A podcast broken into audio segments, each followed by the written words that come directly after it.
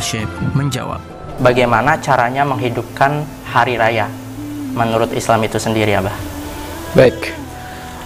Hari raya adalah hari yang suci, hari kemenangan bagi umat Islam, maka tentu sangat pantas dan layak kita benar-benar meramaikan hari raya sesuai yang diajarkan oleh baginda Nabi Muhammad SAW dan juga sesuai instruksi para ulama.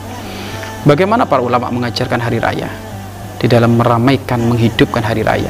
Ada sebuah riwayat hadis, walaupun riwayat ini disepakati oleh para ulama bahwasanya hadisnya doif, namun maknanya sangat benar.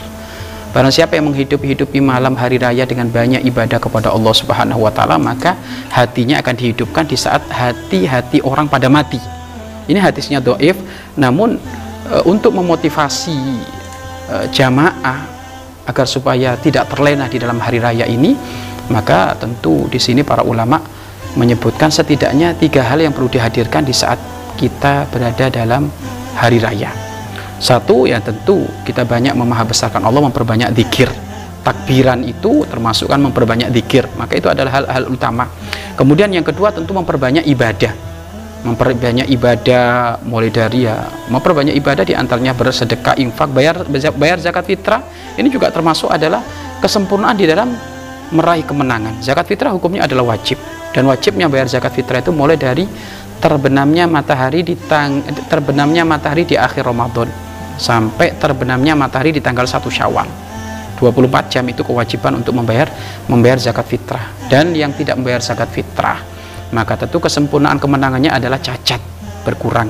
Bahkan dia telah melakukan kemaksiatan yakni dosa kepada Allah Subhanahu wa taala. Maka zakat fitrah ini termasuk adalah e, cara kita meramaikan kemenangan hari raya kemudian juga jangan lupa bangun malam.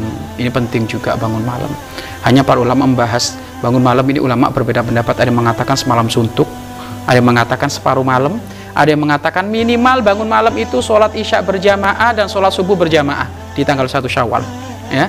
Sholat sholat isya berjamaah sholat subuh berjamaah. Akan tapi kalau ulama berbeda pendapat maka sikap kita yang bijak bagaimana? Kita gabungkan semuanya kita gabungkan semuanya bagaimana? Ayo kalau kita mampu semalam suntuk semalam suntuk.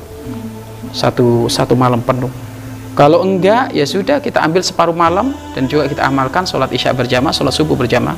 Maka ini adalah di dalam merayakan hari raya kemenangan yang diridhoi oleh Allah Subhanahu wa taala.